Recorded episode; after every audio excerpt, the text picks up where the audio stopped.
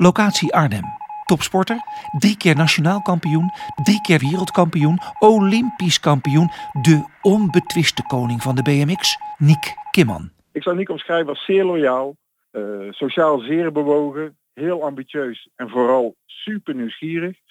Hij heeft ook twee linkerhanden, waardoor hij motorisch af en toe niet altijd als beste uit uh, de verf komt.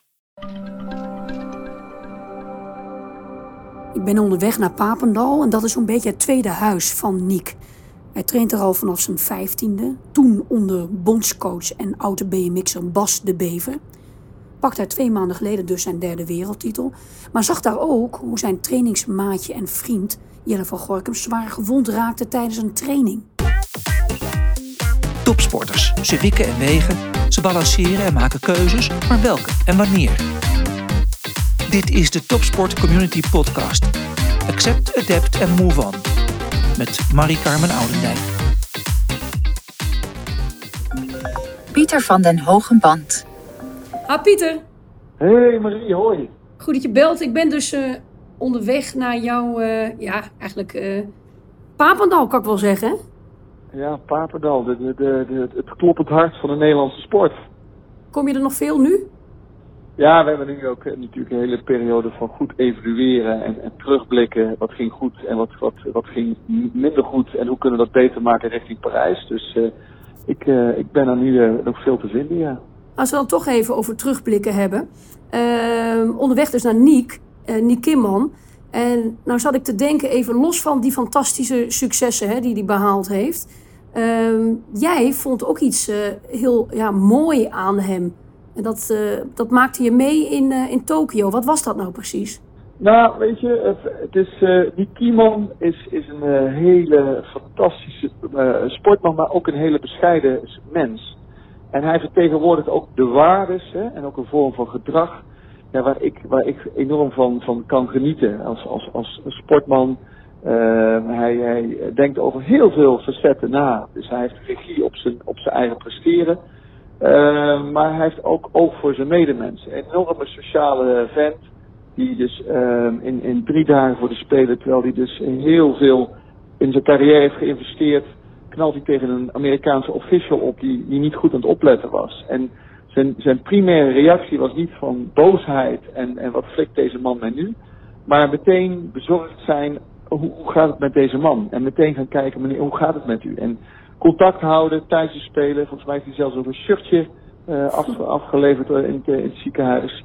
Um, ja, weet je, dat, dat laat zien wat voor een enorme verbinder die man is, maar wat, wat, een, wat een buitengewone, inspirerende sportman het is. Ja, en volgens mij ook een, een jongen die ook eigenlijk uh, niets uit de weg gaat, hè? Nee, het is een, een jongen die uh, uh, regie pakt, heel, over dus, heel veel dingen goed nadenkt. En ook daarin uh, rigoureuze keuzes durft te maken. Uh, daarvoor is hij niet voor niets uh, de, de, grote wereldkampioen, nu al drie keer. En, en, en, en de, de, Olympisch kampioen. Dus een grote ambassadeur voor zijn sport, maar ook een grote mooie ambassadeur voor onze Olympische ploeg. Ik ga aan hem vragen naar die keuzes en hoe dat allemaal tot stand komt bij hem. Je hoort het al van mij. Je spreek, ik spreek je later. En fijne dag, hè? Jij ook. Doei. Joe, hoi.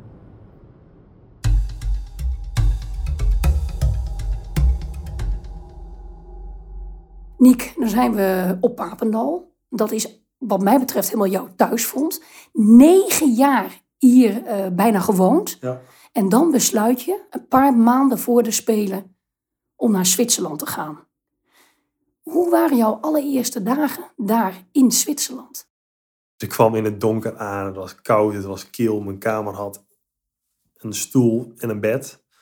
Helemaal niks verder. Later heb ik dat natuurlijk wel mooier ingericht. Maar ja, wat ik zeg, ik kwam daar aan. En dat ik echt dacht van, ik doe dit vrijwillig, hè. er is niemand die mij vertelt van, dit moet ik doen.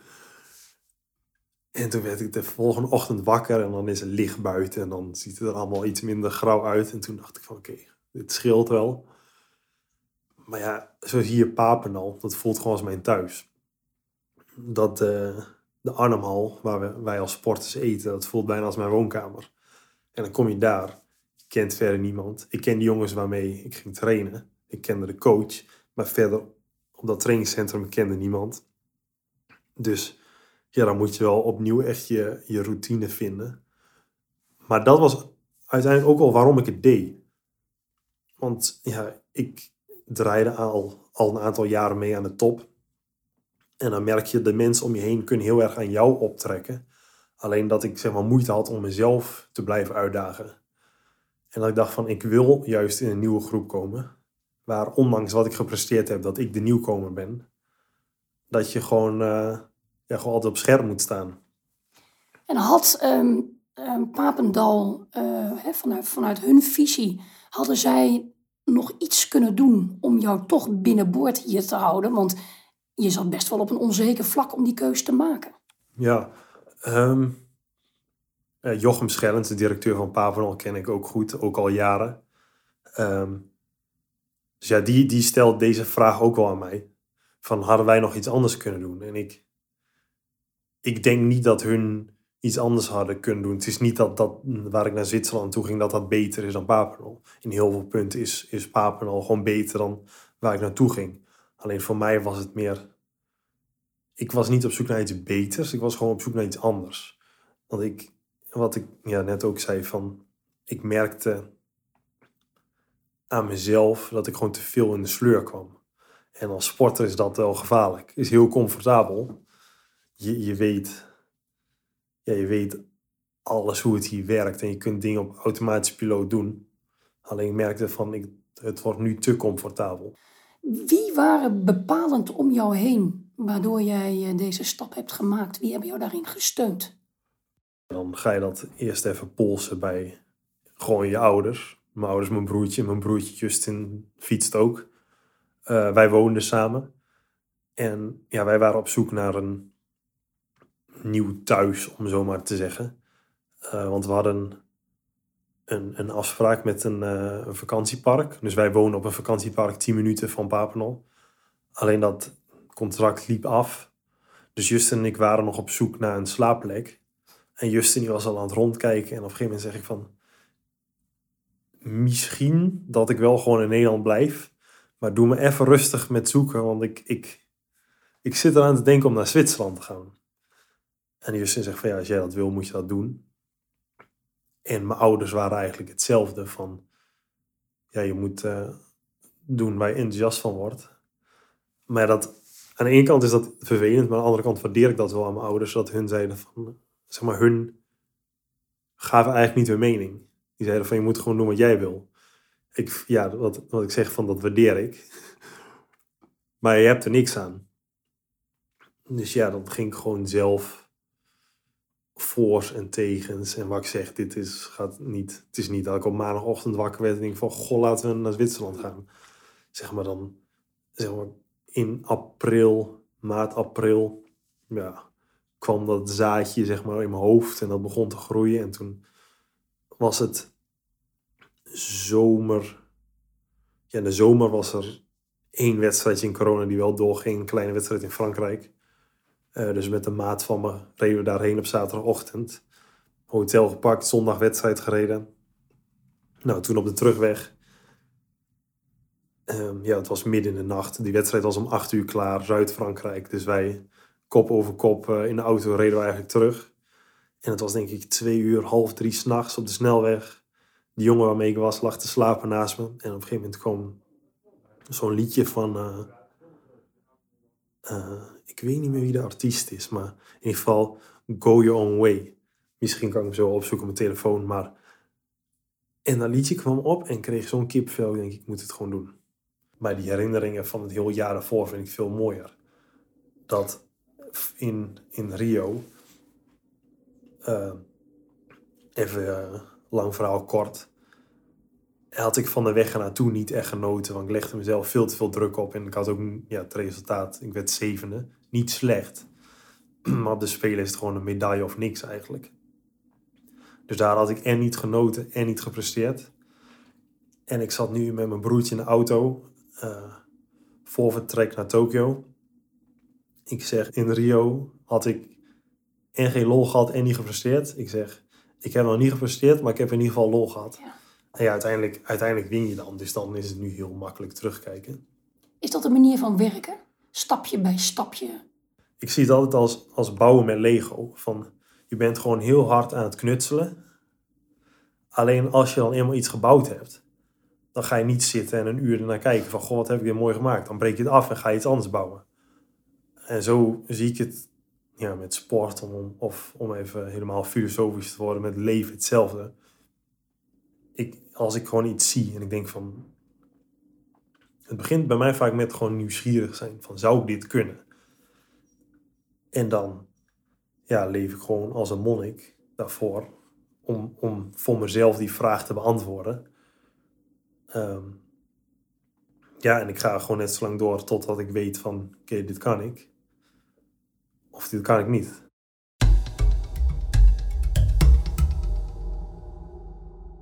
Ik ben in 2004 begonnen als bondscoach. Er komt er een talentenopleiding onder, uh, onder, onder mijn topsportprogramma te hangen. Nou, daar, daar komt een talentencoach op.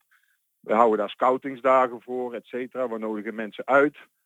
Uh, maar Niek hadden we niet uitgenodigd. Die stond niet bij ons op de radar op dat moment.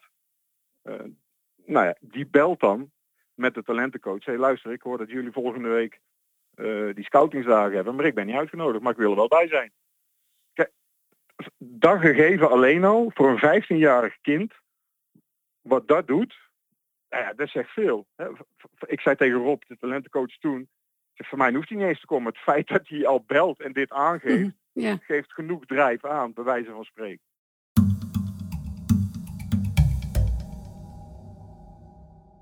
Ik ben echt van overtuigd dat een coach super belangrijk is. Maar de, de mensen die dichtst om je heen zijn, dat dat gewoon de mensen waarmee je traint, is bijna net zo belangrijk als je coach. Want uiteindelijk zijn hun de jongens waarmee je na de training gaat zitten, uh, gaat ouwe een bak koffie doen. Ja, het is ja, op weg naar, naar een topprestatie het veel meer dan alleen een schemaatje afwerken. Want een schemaatje afwerken is in principe heel simpel. Alleen het is meer daarbuiten van je rust op het goede moment pakken. Maar tegelijkertijd ook ontspannen als je mentaal nodig hebt. Je hebt gewoon andere mensen daarin nodig, in trainingen, noem maar op. En ik denk dat Jelle en ik dat heel erg voor elkaar waren. Uh, zeker ja, 2017, dat was het jaar na de Spelen. Hij had zilver, ik was zevende. Um, maar jaren na reden we allebei niet echt goed. En dat we toen wel beseften van uh, dit jaar reden als opvulling, maar dat gaat niet meer gebeuren. Dus die hele winter waren wij super gedreven, elkaar hard aan het pushen. En toen, ja, het uh, bekende verhaal dat Jelle op de ketting klapte. Dus ja, dan staat wel in één keer even, ja, toch wel je wereld op zijn kop. En ook dat het de weken daarna, dat je zo gewend bent om dingen met, zeg maar, met Jelle en ik, Jelle en ik deelden ons squat rack met krachttrainingen. En dan één kom je krachttraining en dan deel je dat rek met niemand. Zeg maar dat zulke routines voelen dan een keer heel kaal. Dat staat natuurlijk los van dat, dat op dat moment is dat niet de prioriteit. Jelle's herstel, die lag op dat moment nog in coma. Dat is natuurlijk veel belangrijker. Maar als je dan even heel egoïstisch als, sport, als topsporter kijkt, um, ja, was het best wel confronterend. Maar om het dan ergens toch positief te houden, besefte ik toen wel dat ja, kansen niet zo vanzelfsprekend zijn als dat lijkt.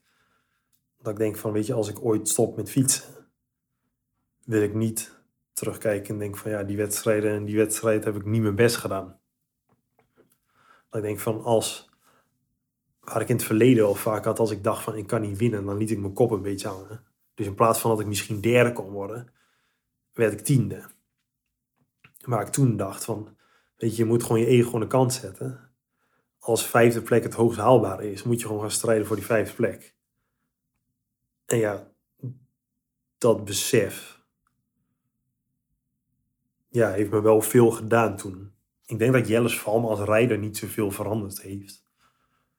Maar meer, ja, wat ik zeg, als mens dat je gewoon ja, beseft dat, dat, dat alles niet vanzelfsprekend is. Dat je gewoon je eigen hart moet volgen.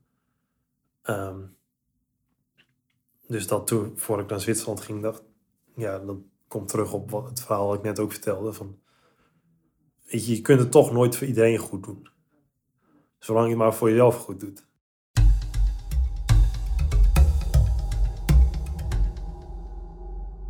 Na Rio, uh, waar dat Jelle uh, natuurlijk zilver won.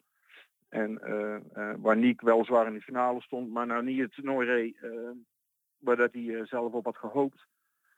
Um, nou ja, zijn ze nog dichter naar elkaar gegooid en hebben ze ergens een afspraak gemaakt. Die gouden medaille die komt er, linksom of rechtsom. En of jij neemt hem of ik neem hem, maar die gaan we pakken. Dus die vier, vijf jaar richting Tokio, ja, die zijn daar, die zijn daar samen opgetrokken.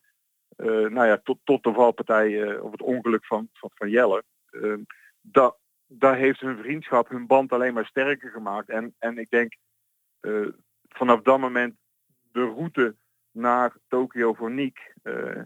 En dit klinkt raar in verband met het ongeluk van Jelle, maar de route van Niek is daardoor nog helderder geworden voor hemzelf, denk ik.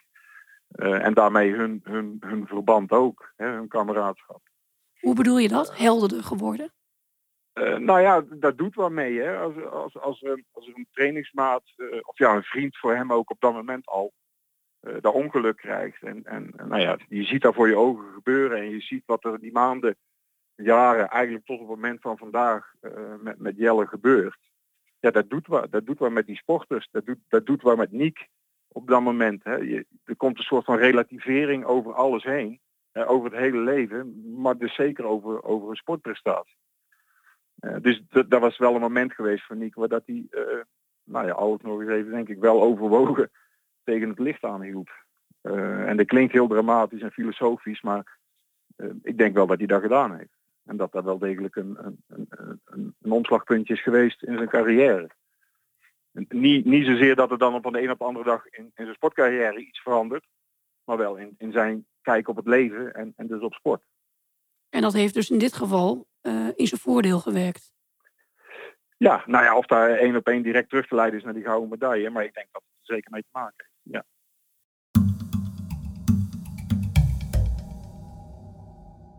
Nick, ik wil je even meenemen naar een ander moment. Op die trainingsbaan, die desastreuze uh, training waarop je op die official klapt. Wat gebeurde er op dat moment? Toen was ik er nog best rustig onder. Dat ik dacht van, ik kan niet heel boos om worden, maar ik kan toch niet meer terugdraaien. Het is accept. Gewoon, ja, accept en adapt. Dus gewoon uh, ja, accepteren en aanpassen. Um, en ook in eerste instantie dacht ik van er is niet zoveel aan de hand. Het was gewoon meer dat ik vooral in shock was van wat er nu gebeurt. Dus ik, ja, ik stap op mijn fiets na tien minuten, een kwartier nadat het gebeurd was. Ik denk, ik ga van rondje rollen. Maar toen merkte ik vrij snel van, er zit iets niet goed in die knie. De kwartsfinale dag was wel even de optimale test van hoe, hoe goed staat die knie ervoor. En dat ik met de starts wat voorzichtig was. Maar ik had denk ik wel wat geluk met mijn loting. Dat ik zeg maar, dat ik in zo'n goede doen was dat ik op 95% ook wel door kon komen. Dus dat ging goed. Maar toen, ja, na die rit had ik wel wat reactie. Merkte ik dat mijn knie weer wat dikker werd. Dus ik dacht van ja, morgen word ik wakker op de finale dag. Ik ben benieuwd hoe dat gaat. Maar twijf, twijfelde je ook? Was je angstig op dat moment? mm. Ja. Nee, ik was benieuwd hoe, hoe mijn knie zou voelen na een dag fietsen.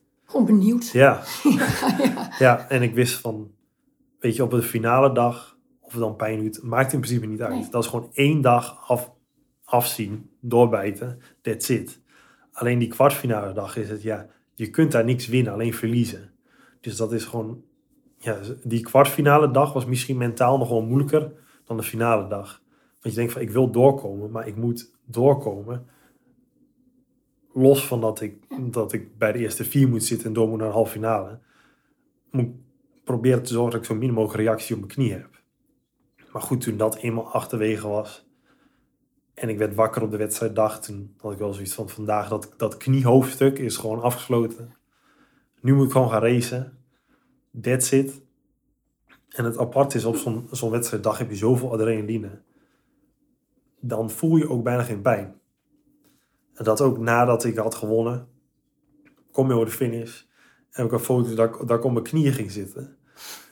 En ik weet nog dat ik dat deed. Ik denk van, oké, dit is niet super slim. maar goed, ja, Ja. van dan, dan denk je daar niet bij na. Dan voel je dat niet. En dan denk je bijna van, oh, er is ook niks aan de hand. Maar je kan natuurlijk en adrenaline en pijnstilling. En net gewonnen. Helemaal euforisch. En toen werd ik de volgende ochtend wakker. Toen dacht ik, ah, er is echt wel iets mis met mijn knie. En ja, nu eh, drie maanden later voel ik hem nog steeds. En daar ben ik gewoon, nu geef ik hem wel optimale rust om te laten herstellen. Weet je, de spelen, dat zijn van die dingen. Daarvoor maak je een uitzondering. Maar dan wil ik even één ding oppakken waar dus jij zegt, dus het, het gebeurt, daar kun je niks aan doen. Dan is jouw adeptverhaal is gewoon koelen, rust geven en, maar en vooral gefocust op die kwartfinale daar doorheen komen. En eigenlijk maak je hem dan vanzelf wel af Ja. op adrenaline, et cetera. Ja, Dan kom je terug, dan is er een gekkenhuis, eh, de media zit bovenop je. En uiteindelijk leef je toe naar het WK hier op notabene weer Papendal. Ja. En dan heb je natuurlijk heel veel keuzes te nemen wat je gaat doen. ja. Nou ja, dat was echt wel lastig. Van, ja, ik kon met mijn knie niet echt trainen. En ja, je weet, hij zit, die knie is nog steeds niet hersteld. Maar ja, het is wel een WK in eigen land. Je weet op de Spelen was je in topvorm. Dan wil je ook een WK rijden. In die vorm. In drie weken raak je die vorm niet kwijt. Maar aan de andere kant ben je mentaal helemaal gesloopt naar die Spelen. Van dat is emotioneel zo'n zo'n achtbaan. Je bent los van het fysieke, ben je mentaal gewoon helemaal totaal los. Na interviews, noem maar op, tijdsverschil naar Nederland, nog meer interviews, media. Dat ik mentaal, ja, wat ik zeg, ik was helemaal op. En het plan was om na de Spelen eh, gewoon in Nederland te blijven tot aan de WK. Maar ik was twee dagen in Nederland. Ik merkte, ik ben zo gek van die drukte. Ik heb mijn coach opgebeld. Ik zeg, eh, ik ga woensdag naar de koning. En daarna stap ik in het vliegtuig. Want eh, als ik een WK wil rijden, dan moet ik hier even weg. ja, dat was ja, zeker terugkijkend een goede keuze. Want ik was... Ja, in Zwitserland kon ik nog steeds niet trainen. Maar ik had in ieder geval mentaal even rust. Ja, daar ook weer een dokter gezien. Wat krachttraining geprobeerd. Het ging niet echt. Maar BMX'en zelf ging best goed. Relatief goed. Ik weet niet, dat is iets met fietsers. Dan, dan ze stappen van de fiets af en ze kunnen amper lopen en zitten bij spreken met tie rips en duct tape aan elkaar. Maar op het moment dat we op de fiets stappen, alsof ons lichaam daarvoor gemaakt is, dat dat zo normaal is dat als, ja, dat als je ene knie zeer doet, dat je dat met je rest van je lichaam technisch kunt compenseren. Ehm, maar ja, dan toen natuurlijk wel getwijfeld van, moet ik dit doen? Want jij weet, als je Olympisch goud haalt en daarna een WK, en je rijdt als een natte krant op de WK, ja, je hebt nog steeds Olympisch goud, maar ja, De glans is eraf. ja, dan is de glans wel een beetje af. Maar ja, aan de andere kant dacht ik van, weet je, als ik straks op de tribune zit en ik zie iemand anders met een regenboogtrui,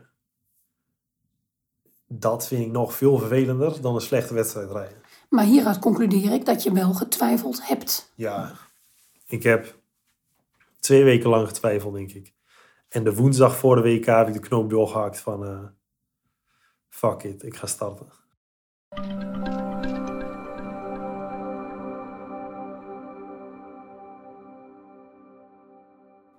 Jouw vader heeft een bedrijf. Ja. Jij hebt eigenlijk ook een soort bedrijf. Alleen jij bent helemaal niet met winstbejag bezig. Jouw vader natuurlijk wel, die moet een Ja. bedrijf runnen. Kun je toch enigszins met elkaar vergelijken? Of heb jij iets aan je vader dat je dat van elkaar kan gebruiken? Ja, ik denk dat er echt heel veel overlap zit. Ik denk als je zelf een bedrijf runt, dan is dat ook geen 9 tot 5 baan. En dan moet je ook soms in het weekend wel door. Ehm, dus ja, daar zit echt wel veel overlap. Waar ik van mijn vader wel veel kan leren natuurlijk. Weet je wat ik net zeg? Ik zie ook wel dat wat ik zeg is tot op zekere hoogte. Want je, je moet af en toe op sporttechnisch vlak moet je wel iets inleveren om financieel er meer uit te halen. Waardoor je later op technisch vlak of op sporttechnisch vlak ook weer meer kunt doen. Ehm, dus daar is het ook weer, net als met het fysieke mentale, is het ook het sporttechnische en het financiële. Uh, daar zit ook een balans in. Want je, hebt beide nodig. Zonder geld kan ik niet presteren, maar zonder prestaties heb ik ook geen geld. Dus je hebt allebei nodig. En ja, met, met bedrijfsleven is natuurlijk het, hetzelfde. Zeg maar, ik run, run geen bedrijf. Maar ja, mijn vader heeft ook wel momenten waar hij met het bedrijf naartoe leeft. Als hoe ik naar een Olympisch Spelen toe leef. Ehm, dus ja, ik vind dat altijd wel interessant om te zien. En dan, ja, als ik af en toe dan, af en toe zegt hij ook wel van, dat hij ook wel van mij iets leert. Tuurlijk, het is mijn vader, dus tuurlijk leer ik daar veel van. Maar ja, dat vind ik dan wel mooi om te zien dat uh, niet alleen maar eenrichtingsverkeer is. En wat leert hij dan van jou? Mm. Ja, zoals natuurlijk met die, met die, dat ik op die official klap. En dan niet boos worden, maar gewoon denken van oké, hoe gaan we hiermee dealen? En maken we het beste van? Ja, in het bedrijfsleven heb je ook wel tegenslagen. En dan ja, is het heel makkelijk om even heel boos te worden. En soms is het ook wel lekker om even te schelden. Dan is het van je af. Maar ja, je moet dan gewoon rustig blijven en denken: hoe gaan we dit fixen? Um, dus ja, daar ja, heeft topsport en bedrijfsleven wel heel veel overlap. Hij kijkt wel overwogen naar zijn eigen sportcarrière en maakt daar wel overwogen keuzes in. Uh, de keuze om naar Zwitserland te gaan, de keuze om toch het Amerikaanse circuit één of twee jaar eens te proberen. Uh, dus in die zin, uh, en, en daar raakt natuurlijk heel erg aan. Er zijn heel veel raakvlakken natuurlijk tussen ondernemerschap en topsport. er zijn ook een hoop dingen die, die, die, niks met elkaar te maken hebben, maar heel veel zaken. nou ja, die, die overlappen. Hè. En wat is dat dan precies, wat overlapt? Gedisciplineerd, ambitieus, met doelstellingen werken, vooruitkijken, plannen. Al dat soort zaken zou je in een eigen bedrijf ook moeten doen. Wil je tot, tot bepaalde resultaten uh, komen. En, en, dat moet in de sportwereld ook. en, en, nou ja, dus in die zin is, is Nick zeker een ondernemer. Kun je dat vergelijken, denk je, het ondernemerschap van hem en met dat zijn vader, die agrarisch ondernemer is? Uh, ja, nou goed, ik ken zijn vader natuurlijk vrij goed. Um, en het is niet voor niks een zoon van zijn vader. dus, dus ja, ik denk dat die vergelijking redelijk snel uh, te trekken is. Ja hoor. En hoe dan? Nou ja, een beetje wat ik eerder ook al zei, hoe dat ze allebei naar het leven kijken. Pa is ook redelijk filosofisch en open-minded kijkt hij naar deze wereld. En als hij kansen ziet, dan pakt hij ze aan. Kansen voor, voor zijn bedrijf. Um, en, en ja, Niek, Niek doet doet exact dat, maar dan in zijn tak van sport.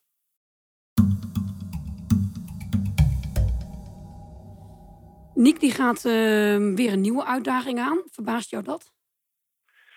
Uh, nee, als je doelt op het Amerika-verhaal, uh, dan verbaast me dat niet. We hadden het er net al even over, zijn move naar Zwitserland. Nou in diezelfde context kan je, kan je Amerika ook wel plaatsen. En nou is Amerika natuurlijk in BMX-land een sport die uh, nou ja, krap 50 jaar bestaat, uh, is Amerika altijd het beloofde land geweest. En dat was de eerste 30 jaar van de sport, was dat ook echt wel zo.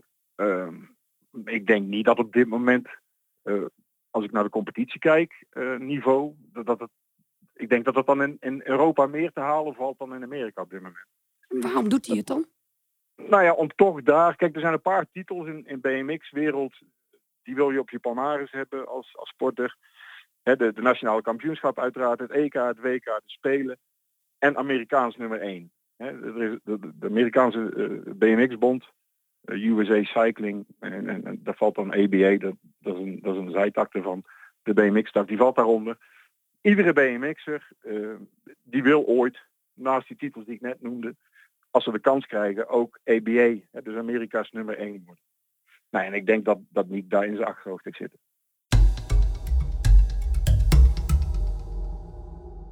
de Amerikaanse serie heb je denk ik voor de helft uh,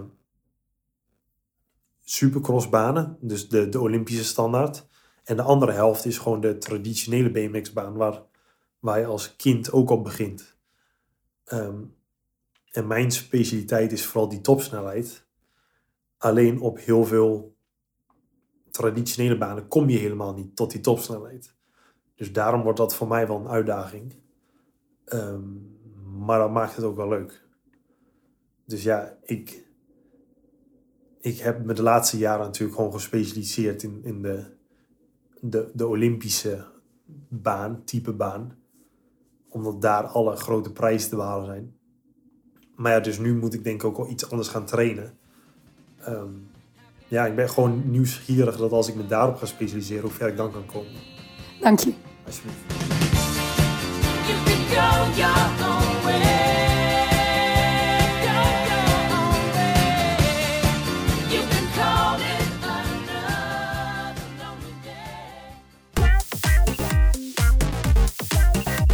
Dit was de Topsport Community Podcast.